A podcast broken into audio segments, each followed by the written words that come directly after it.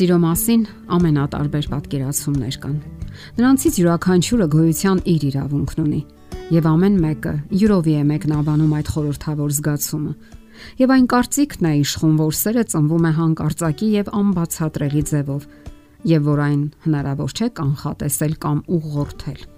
Արդյոք դա այդպես է։ Իսկ հնարավոր չէ արդյոք սովորել սիրո արվեստը, հմտանալ դրա մեջ։ Ինչպես հմտանում են, ասենք, ֆուտբոլիստները, ովքեր ամենօրյա մարզումների ժամանակ տարբեր միջոցներով հմտանում են թե մարտավարության, թե տեխնիկայի, թե փոխանցումներ կատարելու եւ թե վերջապես գոլեր խփելու մեջ։ Իսկ տարիքն ու ֆիզիկական պատրաստվածությունը առավել քան կարևոր է նրանց համար։ Պարզվում է, որ հնարավոր է նաև հմտանալ սիրո արվեստի մեջ։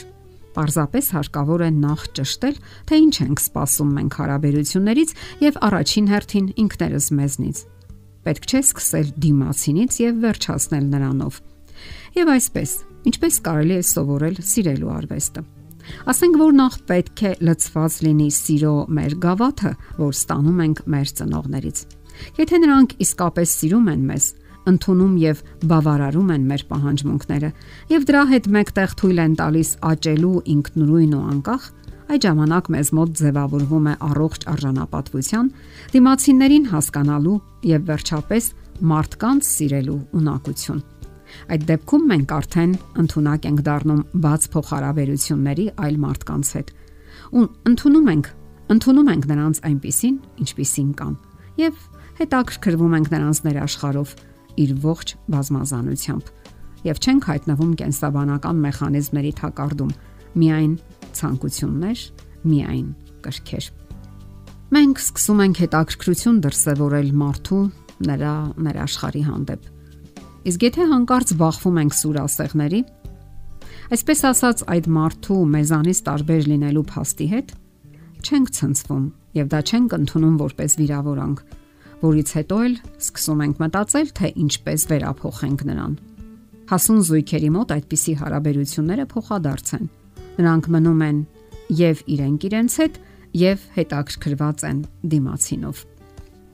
Սիրային հարաբերությունների մեծ ամասնության հիմքում ֆիզիկական պահանջմունքն է կամ այսպես ասած ֆիզիոլոգիական գիրքը։ Սակայն խնդիրն այն է, որ այդ ուժգին ապրումների ժամանակ մենք այնքան այն կլանված լինում մեր զգացումներով, որ հաշիվ չենք տալիս մեզ այն բանում, թե ինչպիսի անznավորություն է մեր կողքինը։ Սակայն դա երկար չի շարունակվում։ Անցնում են տարիները։ Նվազում է հորմոնների խտությունը եւ զուգընկերները կարծես նոր միայն սկսում են ուսումնասիրել միմյանց։ Եթե ոչ ուրիշներին, մղվելով նոր այլ պայծառ ապրումների։ Եթե դուք գործում եք բաց եւ անկեղծ, կարող եք ցավոտ հարվածներ ստանալ եւ կորցնել վստահությունը մարդկանց հանդեպ։ Նման դեպքերում կանգ է առնում նաեւ սիրո գործընթացը։ Իրականում շատ բարդ է, երբ էությունդ բացում ես մեկ այլ մարդու առաջ, հետաքրքրվում նրա աշխարհով եւ միևնույն ժամանակ չես լուծվում նրա մեջ, չես կորցնում քո սեփական եսը, քո սեփական անձը։ Իսկ սեփական անձի հանդեպ թերարժեք մարդուն հարկավոր են կրքեր, որոնք լցնում են նրա ներքին աշխարհը։ Եթե դրանք չկան, նա իրեն միայնակ է զգում եւ ձգտում են նորից ու նորից լցնել ներքին դատարկությունը վառ ապրումներով։ Ահա թե ինչու մեկ ուրիշին սիրել իսկական սիրով կարող են միայն այն մարդիկ, ովքեր թերարժեք չեն, անկախ են եւ ազատ։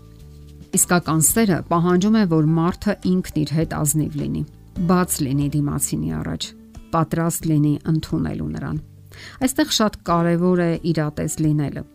Սիրային հարաբերությունները գործընթաց է, որի վրա հարկավոր է աշխատել։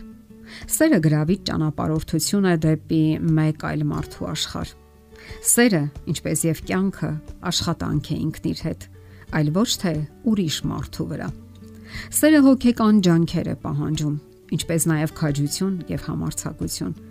Ահա թե ինչու բոլորը չէ որ այնքան քաջություն ունեն, որ կարողանան անցնել կրքից դեպի սեր։ Արդյոք համահունչ են խանդն ու սերը։ Ինչ եք կարծում։ Միանգամայն որոշակիորեն ոչ։ Սերն ու խանդը ոչ մի կապ չունեն միմյանց հետ։ Իսկական սերը հարգանք է, ընդունում, ըմբռնողություն դիմացինի հանդեպ։ Իսկ ահա խանդը պարզապես պայքար է եւ հարաբերություն անծանոթ մարդկանց դեմ, այլ ոչ թե հարաբերություն կողակցի հետ։ Հոգեբանական իրականությունը եւ նրբերանգն այն է, որ խանդելով կնոջը այլ տղամարդկանց առումով, տղամարդը մտնում է հարաբերությունների մեջ այլ տղամարդկանց հետ։ Նրա անվստահությունը իր հանդեպ է։ Նա չի հավատում սեփական ուժերին, անընդհատ իր մտքերի եւ երևակայության հետ է։ Իսկ դա ծնում է ավելորտ կասկածներ եւ անվստահություն, ընդդուպ վեճեր ու բախումներ։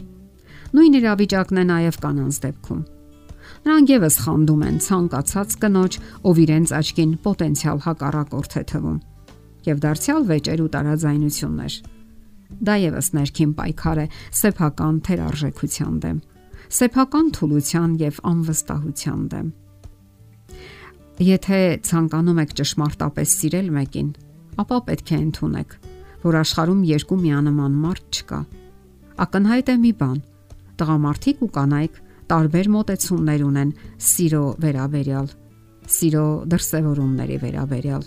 Դա կախված է մարդու հոգեբանական առանձնահատկություններից, խառնվածքից, դաստիարակությունից։ Տղամարդն ու կինը այնպես են ստեղծված, որ նրանք հիանալիորեն կարող են փոխ լրացնել միմյանց եւ ոչինչ չի խանգարի դրան, եթե դուք ցանկանում եք սիրել